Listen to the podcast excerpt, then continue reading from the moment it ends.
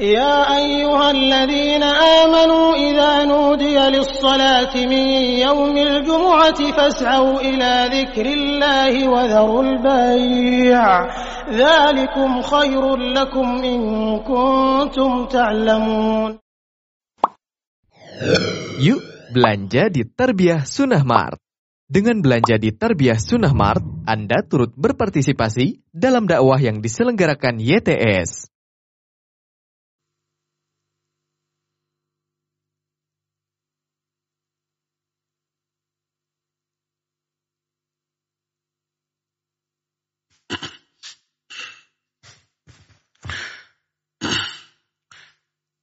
الحمد لله نحمده ونستعينه ونستغفره ونعوذ بالله من شرور أنفسنا وسيئات أعمالنا. من يهده الله فلا مضل له ومن يضلل فلا هادي له. وأشهد أن لا إله إلا الله وحده لا شريك له. وأشهد أن محمدا عبده ورسوله. يا أيها الذين آمنوا اتقوا الله حق تقاته ولا تموتن إلا وأنتم مسلمون. يا أيها الناس اتقوا ربكم الذي خلقكم من نفس واحدة وخلق منها زوجها وبث منهما رجالا كثيرا ونساء. واتقوا الله الذي تساءلون به والأرحام. إن الله كان عليكم رقيبا. يا أيها الذين آمنوا اتقوا الله وقولوا قولا سديدا. يصلح لكم أعمالكم ويغفر لكم ذنوبكم. ومن يطع الله ورسوله فقد فاز فوزا عظيما. أما بعد فإن أصدق الحديث كتاب الله وخير الهدي هدي محمد صلى الله عليه وآله وسلم وشر الأمور محدثاتها وكل محدثة بدعة وكل بدعة ضلالة وكل ضلالة في النار. قال الله تعالى في كتابه الكريم أعوذ بالله السميع العليم من الشيطان الرجيم ادعوني أستجب لكم إن الذين يستكبرون عن عبادتي سيدخلون جهنم داخرين Hadirin sidang Jumat yang Allah muliakan, di beberapa Jumat yang lalu kita sedang membahas bagaimana caranya menaikkan iman kita. Salah satunya dengan ma'rifatullah. Arti dari ma'rifatullah adalah mengenal Allah. Melalui pembahasan mendalami makna dari nama-nama dan sifat Allah. Melalui hal itulah kita akan mengenal Allah dengan sebenar-benarnya hasil dari ma'rifatullah, hasil dari mengenal Allah, bakal muncul berbagai macam unsur penunjang keimanan. Bakal muncul khauf atau rasa takut kepada Allah, mahabbah, cinta kepada Allah, juga tawakal, juga roja atau berharap, juga ikhlas. Semua itu sudah kita terangkan di beberapa Jumat yang lalu.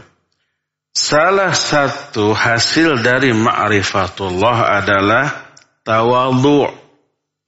Tawadhu itu artinya rendah hati, merasa diri hina. Terutama di hadapan Allah Azza wa Jalla.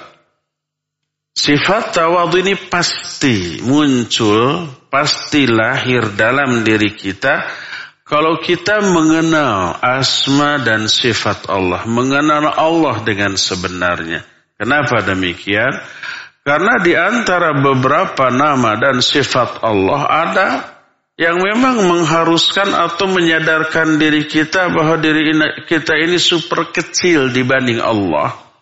Salah satu di antara sifat sekaligus nama bagi Allah, Allah itu Al-Kabir Wallahu aliyul kabir. Allah itu maha tinggi dan maha besar. Allahu akbar. Allah itu terbesar. Juga Allah itu agung. Juga Allah itu al-qadir. Kebesaran Allah lebih besar dari alam jagat raya ini.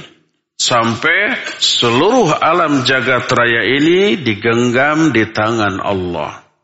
Allah berfirman, Tabarakalladzi biyadihil mulk wa huwa ala kulli syai'in qadir. Maha barokah Allah yang di tangannya lah tergenggam seluruh kekuasaan langit dan bumi. Dan dia maha kuasa atas segala sesuatu. Allah pun berfirman di dalam ayat yang lainnya. Wa ma qadarullaha haqqa qadrih wal ardu jami'an qabdatuhu yaumal qiyamah was samawati matwiyatun biyaminih Orang-orang musyrik itu tidak mengagungkan Allah dengan sebenar-benarnya pengagungan. Makanya mereka tidak mau apa mengesahkan Allah dalam hal ibadah, nyembah ke Allah, nyembah juga ke yang lainnya. Itu tidak mengagungkan Allah dengan sebenar-benarnya. Wal ardu jami'an qabdatuhu yaumal qiyamah. Padahal bumi ini seluruhnya digenggam oleh Allah Azza wa Jalla pada hari kiamat. Wassamawatu matwiyatun biyaminihi. Dan seluruh langit yang tujuh ini dilipat di tangan kanan Allah Azza wa Jalla. Oleh karena itulah maka kebesaran Allah itu lebih besar daripada langit dan bumi, daripada seluruh alam jagat raya ini. Digenggam semua kekuasaan alam semesta ini di tangan Allah Azza wa Jalla. Sampai di dalam hadis yang sahih, Nabi Shallallahu Alaihi Wasallam menyatakan tidaklah langit dan bumi di tangan Allah kecuali seperti sebutir debu di tangan kalian. Allahu Akbar. Allah terbesar, akbar dalam bahasa Arab disebutnya isim tafdil. Bahasa kitanya superlatif alias menunjukkan ter alias yang paling Allah paling besar. Jauh lebih besar dibanding seluruh makhluk ini. Allahu Akbar.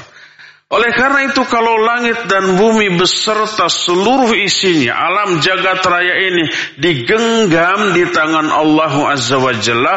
Padahal alam ini menurut kita sangat besar, saking besarnya seolah-olah tak ada batasnya. Tapi kecil dalam panah Allah. Bayangkan bagaimana kita yang berada di dalam alam semesta yang dahsyat dan besar ini jauh lebih kecil lagi dalam pandangan Allah Azza dan tak bernilai apa-apa. Karena itulah maka salah satu eh, sifat Allah al-mutakabbir. Al-mutakabbir itu yang layak sombong, layak merasa lebih eh, sangat besar karena memang dia besar. Bahkan Allah Azza wa Jalla yang menyatakan demikian. Al-Malikul Quddusus Salamul Mu'minul Muhaiminul Azizul Jabbarul Mutakabbir. Itu nama-nama Allah dan sifat-sifatnya. Salah satunya adalah Al-Mutakabbir. Dari sini saja kita sudah mengetahui betapa kecilnya kita. Betapa hina rendahnya kita, betapa tak berharganya kita menurut pandangan Allah Azza wa Jalla. Oleh karena itu, sebagai makhluk yang kecil, yang hina, yang rendah, tidak layak untuk merasa besar. Layaknya ya sadar diri bahwa diri ini kecil. Siapa orang yang merasa diri besar, merasa besar itu Takabur. Takabur itu maknanya dia kecil tapi merasa diri besar. Bahasa Sundanya gumede. Gumede itu orang yang kecil tapi merasa dirinya gede, dirinya besar. Tidak sadar diri.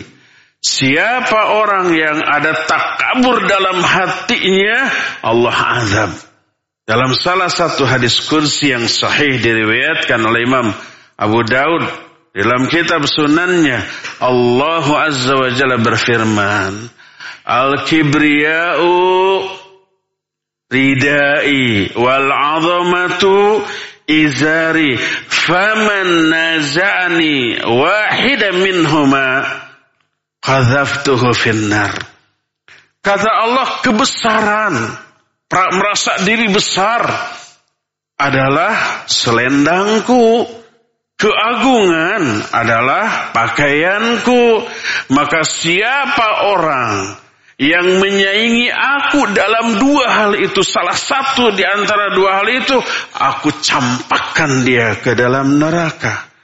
Walaupun rasa sombong rasa takabur tersebut sekecil debu maka dia akan dimasukkan ke dalam neraka tidak akan dimasukkan ke dalam surga sebagaimana hadis sahih riwayat Imam Muslim menyatakan لا يدخل الجنة من كان في قلبه مثقال ذرة من كبر tidak akan masuk surga orang yang di dalam hatinya ada rasa takabur, rasa sombong walaupun sekecil debu.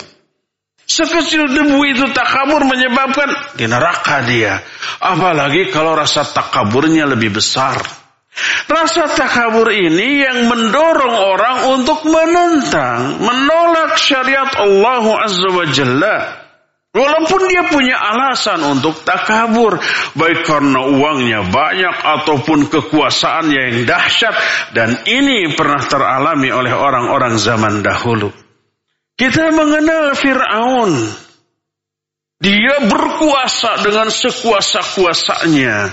Tak ada yang berani semua orang harus menyembah dirinya.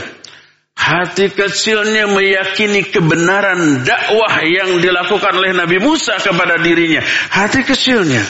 Tapi karena kesombongan dia tolak. Dari mana kita tahu hati Fir'aun? Bukankah kita tidak tahu hati orang? Dari Allah yang maha mengetahui hati setiap hamba. Allah menyatakan dalam Al-Quran. Wajahadu biha wastaiqanatha anfusuhum zulman wa uluwa. Fir'aun dan bala tentaranya ini meyakini kebenaran dakwah Nabi Musa. Tapi dia menolak. Mereka menolak wajah biha. Mereka menolak dakwah ini. Wastaiqanatha anfusuhum. Padahal hati-hati mereka meyakini kebenarannya. Kenapa? Zulman wa uluwa. Karena zolim dan merasa tinggi. Kabur sombong dengan kekuasaannya. Fir'aun punya alasan untuk merasa besar karena dia pengusaha, penguasa, raja. Demikian juga dulu Raja Namrud yang pernah membakar Nabiullah Ibrahim alaihissalatu wassalam. Bahkan Syekhul Islam Ibn Taimiyah rahimahullahu taala menyatakan Raja Namrud termasuk salah satu raja yang pernah menguasai seluruh dunia ini pada zamannya. Oleh karena itu dia sombong dan takabur maka setiap orang yang tidak mengikuti perintahnya dihukum seketika itu juga termasuk siapa? Termasuk Nabiullah Ibrahim. Demikian juga Raja Abraha punya pasukan yang dahsyat dan kuat. Yaitu pasukan gajah yang saat itu tidak ada yang setangguh itu. Tiga orang raja dengan kekuasaan yang dahsyat ditakuti oleh semua pihak Kesombongan ketakaburannya menyebabkan menolak syariat, menolak dakwah. Apa yang terjadi? Semuanya hancur. Allah yang menghancurkan. Fir'aun ditenggelamkan di Laut Merah. Raja Namrud musnahnya, hancurnya oleh makhluk yang kecil. Sebagian riwayat menyatakan itu nyamuk. Sebagian lain menyatakan itu adalah lalat masuk ke dalam hidungnya dan bertengger atau menetap itu nyamuk atau lalat di kepalanya. Sebuah riwayat menyatakan sampai 400 tahun. Karena sebelumnya Raja Namut berkuasa sampai 400 tahun. Maka lalat atau nyamuk itu pun menetap di kepalanya menyiksa. Selama itu pula, selama 400 tahun pula. Orang-orang zaman dahulu panjang-panjang usianya. Sampai saking sakitnya dia memukul-mukulkan besi ke kepalanya untuk mengusir rasa sakit. Dan sampai matinya. Demikian semua orang yang pernah memiliki kekuasaan besar. Karena itulah mereka sombong. Dihancurkan oleh Allah Azza wa Jalla dengan cara yang sangat tragis. Makanya ini yang Allah maksudkan الكبرياء ردائي والعظمة إزاري. فمن نازعني واحدا منهما قذفته في النار. Rasa sombong itu adalah pakaianku atau selendangku. Keagungan itu pakaianku. Siapa orang yang menyaingi aku dalam salah satu saja di antara dua sifat ini. Aku hancurkan mereka. Aku lemparkan mereka ke dalam api neraka. Ini pula yang menyebabkan iblis laknatullahi alaih. Diusir oleh Allah Azza wa Jalla dari surga. Ini yang menyebabkan iblis menolak, disuruh sujud kepada Adam alaihissalatu wassalam. Bukan sujud menyembah, tapi menghormat. Wa idh qulna lil malaikati isjudu li Adam fasajadu illa iblis aba wastakbaru wa kana minal kafirin. Ingat ketika kami berkata kepada para malaikat, sujud kalian kepada Adam. Semua malaikat sujud. Adapun iblis yang sama-sama saat itu ada di sana tidak mau sujud. Aba, dia enggan. Dia menolak perintah itu. Wastakbaru karena dia takabur, merasa diri besar. Wakana minal kafirin. Makanya dia itu masuk ke dalam golongan makhluk-makhluk yang kafir. Makanya ketika Rasul Shallallahu Alaihi Wasallam menyatakan orang yang di dalam hatinya ada sombong, ada takabur, walaupun sekecil debu, dia nggak akan masuk surga. Para sahabat kemudian menyatakan, Ya Rasulullah, inna rajula yuhibbu ayyakuna thawbahu husnan wa na'la husnan. Wahai Rasul, ada tuh orang yang suka pakai pakaian yang bagus, senal yang bagus. Itu sombong bukan tuh? Apa kata Nabi? Inna Allah jamilun yuhibbul jamal. Itu nggak sombong. Allah itu indah dan sangat menyukai keindahan. Al-kibru batul haq wa ghamtunas. Takabur itu nolak kebenaran, nolak dakwah, nolak nasihat dan meremehkan manusia. Ketakaburan menyebabkan melahirkan dua hal ini. Kebenaran ditolak karena gengsi, karena malu, karena merasa diri tinggi dan meremehkan, menghinakan orang lain. Itu takabur. Tak ada seorang pun yang menolak dakwah, menolak kebenaran kecuali karena ketakaburan. Dan itu yang menjadi kriteria pokok dari sebuah ketakaburan. Takabur adalah menolak kebenaran yang sebenarnya dia yakini di dalam hatinya. Seperti yang dilakukan oleh Fir'aun laknatullahi alaih. Berdasarkan hal itulah maka kita sudah memperoleh banyak contoh. Tiga raja yang luar biasa dahsyatnya yang tadi diceritakan. Termasuk iblis, laknatullahi alaih. Dia tak kabur, lalu menolak perintah Allah. Lalu terusirlah dia dari surga yang hanya diperuntukkan bagi orang-orang yang bertawaduk. Oleh karena itulah maka Allah menyatakan innalladzina yastakbiruna an ibadati sayadkhuluna jahannama khadakhirin. Sesungguhnya orang-orang yang bertakabur sehingga tidak mau beribadah kepadaku dia akan masuk ke dalam neraka jahanam dalam keadaan terhina. Inilah keterangan Allah. Siapa yang takabur menyerupai atau menyaingi sifat Allah Azza wa Jalla dahsyat sekali azab dan sanksi yang akan diterimanya. Menyadari hal ini, seorang yang kenal dengan Allah melalui sifatnya Al-Kabir atau Al-Akbar atau Al-Mutakabir, pastilah dia akan sadar diri tidak layak kita sombong. Tidak layak kita merasa tinggi, merasa besar, merasa sangat mulia. Maka yang pantas dilakukan adalah menghambakan diri di hadapan Allah Azza wa Jalla. Dari sini lahirlah ketawaduan. Kita nggak layak sombong, nggak layak merasa besar, nggak layak merasa tinggi. Walaupun berkuasa, walaupun uang banyak, walaupun populer, walaupun berpangkat tinggi, pada hakikatnya kita tetap rendah, kita tetap hina, kita tetap kecil di hadapan Allah Azza wa Jalla. Inilah hakikat dari ketawaduan. بارك الله لي ولكم في القرآن العظيم ونفعني وإياكم بما فيه من الآيات والذكر الحكيم وتقبل الله منا ومنكم تلاوته إنه هو السميع العليم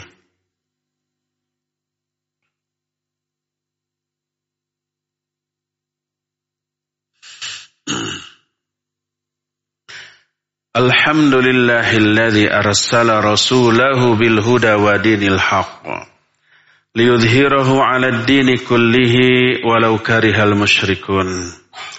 وأشهد أن لا إله إلا الله وحده لا شريك له إقرارا به وتوحيدا. وأشهد أن محمدا عبده ورسوله صلى الله عليه وعلى آله وأصحابه وسلم تسليما مزيدا. وبعد أيها الحاضرون أوصيكم ونفسي بتقوى الله فقد فاز المتقون. Hadirin sidang Jumat yang Allah muliakan. Berdasarkan penjelasan tadi, maka mulia atau tidaknya seorang hamba tergantung dari seberapa rendah dia menghambakan dirinya kepada Allah. Semakin dia tawadu, semakin merasa hina, Semakin merasa kecil, semakin merasa rendah di hadapan Allah, semakin Allah angkat kemuliaannya. Oleh karena itulah, ketika Allah menyebut Nabi Muhammad SAW pada posisi-posisi ketika beliau dimuliakan oleh Allah, Allah menyebut beliau tidak dengan sebutan Rasul, tidak dengan sebutan Nabi, tidak dengan sebutan Muhammad, tapi dengan sebutan hamba. Allah berfirman, contoh, Momen ketika Nabi sangat dimuliakan adalah momen ketika beliau diisrokan, dimi'rajkan oleh Allah.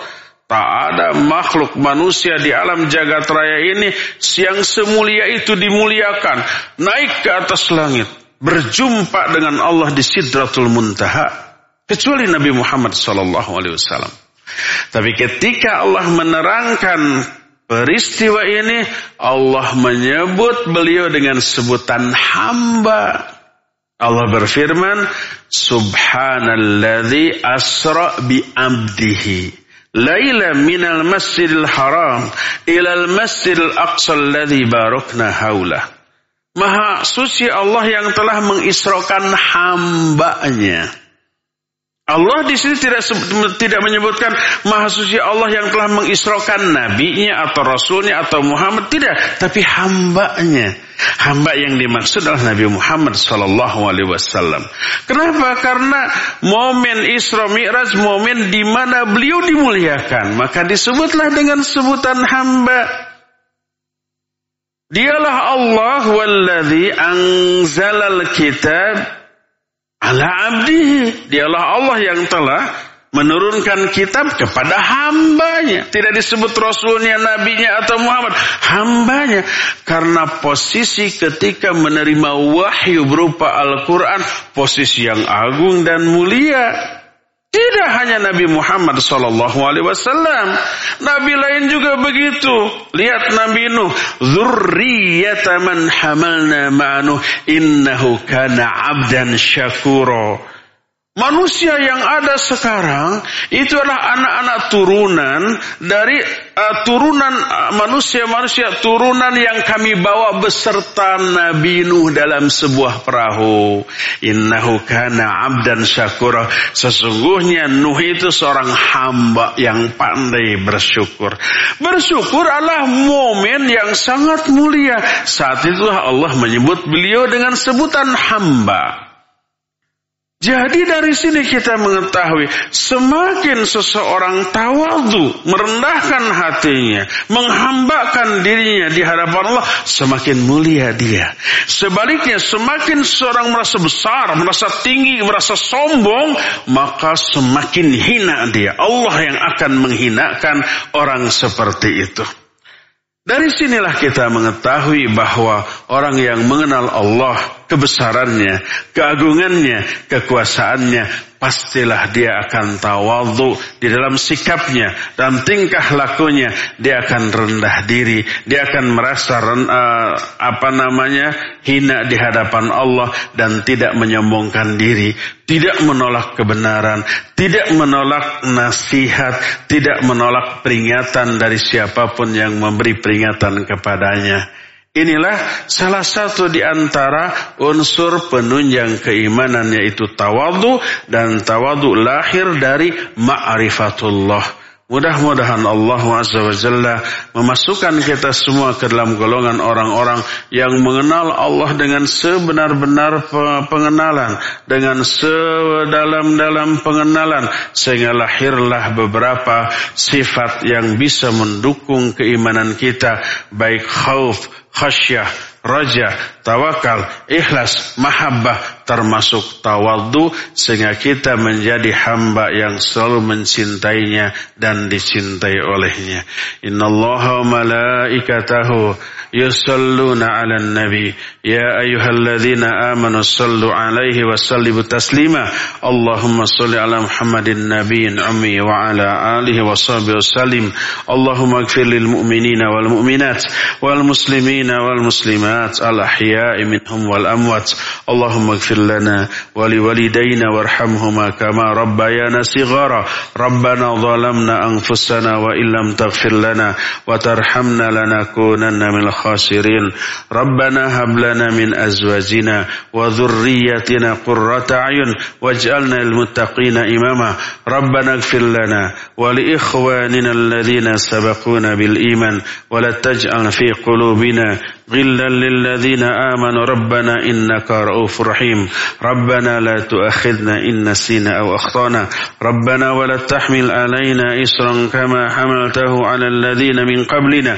ربنا ولا تحملنا ما لا طاقة لنا به. واعف عنا واغفر لنا وارحمنا. أنت مولانا فانصرنا على القوم الكافرين. ربنا إننا سمعنا مناديا ينادي للإيمان أن آمنوا بربكم فآمنا. ربنا. فاغفر لنا ذنوبنا وكفر عنا سيئاتنا وتوفنا مع الأبرار. ربنا وآتنا ما وعدتنا على رسلك ولا تخزنا يوم القيامة. إنك أنت الوهاب. إنك لا تخلف الميعاد. ربنا لا تزغ قلوبنا بعد إذ هديتنا. وهب لنا من لدنك رحمة إنك أنت الوهاب. ربنا آتنا في الدنيا حسنة وفي الآخرة الآخرة حسنة وقنا عذاب النار. سبحان ربك رب العزة عما يصفون وسلام على المرسلين. والحمد لله رب العالمين. آمين. يا رب العالمين. أقول قولي هذا واستغفر الله لي ولكم وأقيموا الصلاة.